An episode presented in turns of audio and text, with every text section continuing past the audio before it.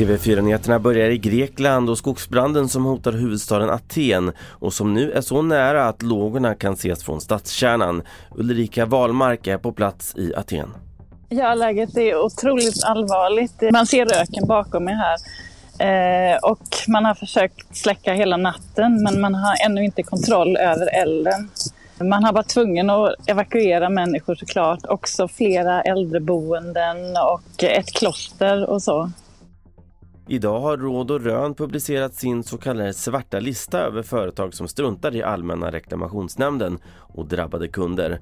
Och i år är det resebolagen som toppar listan och det handlar bland annat om återbetalningar efter inställda resor.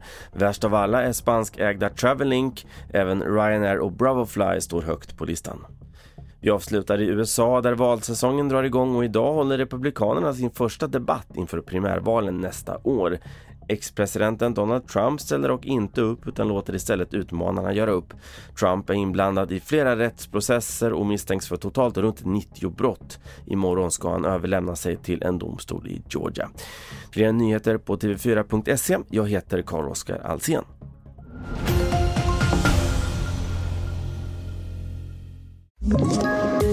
Poddtips från Podplay. I podden Något Kaiko garanterar östgötarna Brutti och jag, Davva, dig en stor dos skratt.